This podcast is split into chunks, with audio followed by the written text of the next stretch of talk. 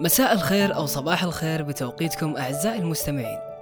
نتحدث اليوم عن مشكلة تواجه عدد من الطلاب وهي اختيار التخصص الجامعي. كمسيرة دراسية لأي طالب بعد دراسة عدة سنوات ما بين المرحلة الابتدائية والمتوسطة والثانوية. وصلنا أخيرا للمرحلة الجامعية وجاء الوقت اللي يفتح فيه التقديم على التخصصات وترتيب الرغبات. مرحلة الاختيار هذه مرحلة مهمة وحساسة جدا لمستقبلك. البعض فيها يكون عارف وش بيختار والبعض الآخر بيواجه عدد من الصعوبات وهي اللي بنتكلم عنها في حلقتنا. بعد سؤال عدد من الطلاب وجدت أن المشاكل اللي واجهتهم كانت أغلبها محصورة بين ثلاثة مشاكل. المشكلة الأولى أن معدله ما يسمح له يدخل التخصص اللي يرغب فيه وهذه ما راح نفصل فيها كثير لأن في النهاية نتيجة مجهودك خلال دراستك وفي اختبار القدرات والتحصيلي والمشكلة الثانية أن معدل الطالب يسمح له يدخل أكثر من تخصص لكن تلاقيه محتار وش يختار أي تخصص. أما المشكلة الثالثة هي أنه يدخل تخصص بناء على إجبار من أحد الوالدين رغم أن الطالب تلاقي عنده رغبة وشغف في تخصص آخر. بناخذ كل مشكلة على حدة وبنتحدث عنها بكل شفافية. المشكلة الأولى وهي ضعف المعدل. عشان نكون صريحين من يوم ما دخلنا المرحلة الثانوية كنا نسمع كثير نصائح ومقولات من الأهل والمعلمين أن المرحلة هذه مهمة جدا للجامعة ولازم تركز فيها وتعطي لنفسك وقت أكبر للدراسة وللمذاكرة والجد والاجتهاد. وتحديدا كانت في كلمة قال لنا ترك لاحق على اللعب وركز بدراستك. ما كنا نتخيل وقتها أنه فعلا بيجي يوم ونندم على الساعات اللي فضلنا فيها اللعب على المذاكرة. وكان البعض مننا يسهر بالليل وينام بالصباح في المدرسة والدراسة وقتها كانت آخر همه. في النهاية معدلك الدراسي هو نتيجة مجهودك أنت وتعبك أنت.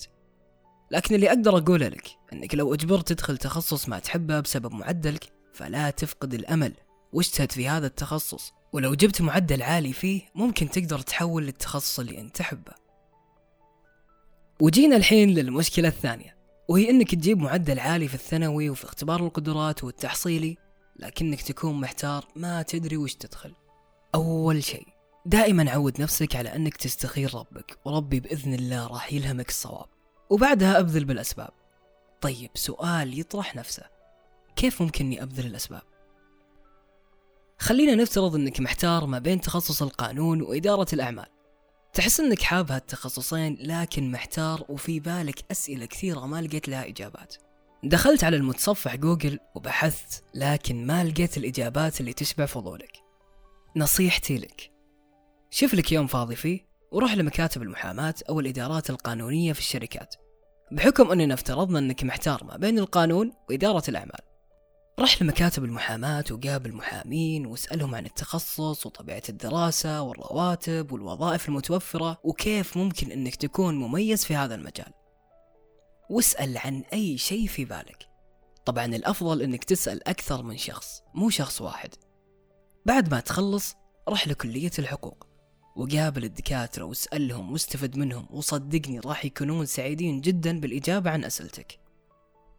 وطبق نفس الأمر على التخصص الثاني اللي أنت محتار فيه. لما تقابل مختصين وتعرف وش المهارات المطلوبة لهذا التخصص وطبيعة العمل والدراسة والمهارات اللازمة وحتى الرواتب أنت هنا راح تتوضح لك الأمور أكثر وأكثر. بتعرف هل المهارات هذه موجودة فيك أو طبيعة العمل تناسبك؟ وقتها أنت بتقدر تقرر وتختار وأنت مطمن ومرتاح أن اختيارك هو بإذن الله الاختيار السليم. وصلنا لآخر مشكلة وهي تتعلق بالأم والأب أكثر من الطالب نفسه. طبعا في نقطة مهمة جدا وهي أنا أتكلم عن بعض الأمهات والآباء وليس الكل. المشكلة اللي أتحدث عنها هي إجبار الوالدين أو أحدهم على اختيار تخصص ينافي شغف أبنائهم وطموحهم. تخيلوا معي أن في شخص اسمه فيصل. فيصل هذا شخص يحب شيء اسمه إعلام وموهوب في مجال التقديم والإلقاء. وعنده كاريزما خاصة فيه. وكان عنده طموح من يوم صغير إنه يدرس إعلام ويتبع شغفه وموهبته. لكن فيصل كان من عائلة كلهم أطباء. أبوه طبيب وأمه طبيبة حتى أخوه الثاني كان طبيب. فيصل تخرج من الثانوي بمعدل عالي وجاب معدل عالي في القدرات والتحصيلي وجاء وقت التقديم على الجامعات واختيار التخصص. فيصل قرر أنه يختار أول رغبة وهي الإعلام. لكن أمه وأبوه وقفوا في طريقه وقالوا له لا أنت معدلك عالي وما راح تدخل إعلام وبتدخل طب زينا. واختار يا أمك وأبوك ولا الإعلام؟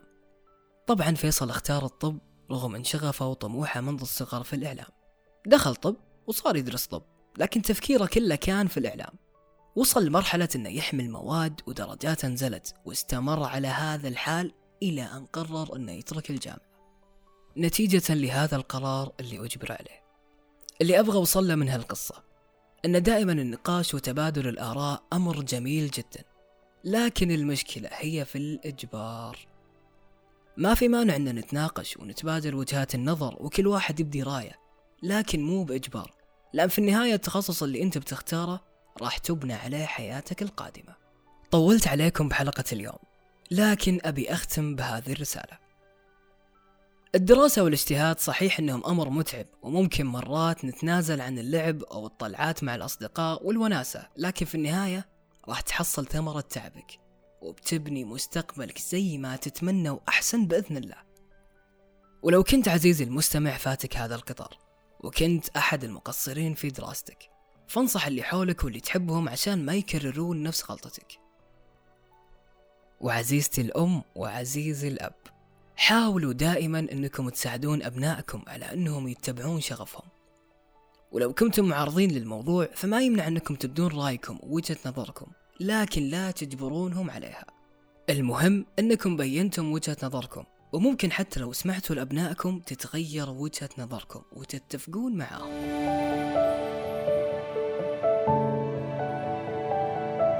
إلى هنا أعزائي وصلنا إلى ختام حلقتنا. نلتقيكم في حلقات قادمة.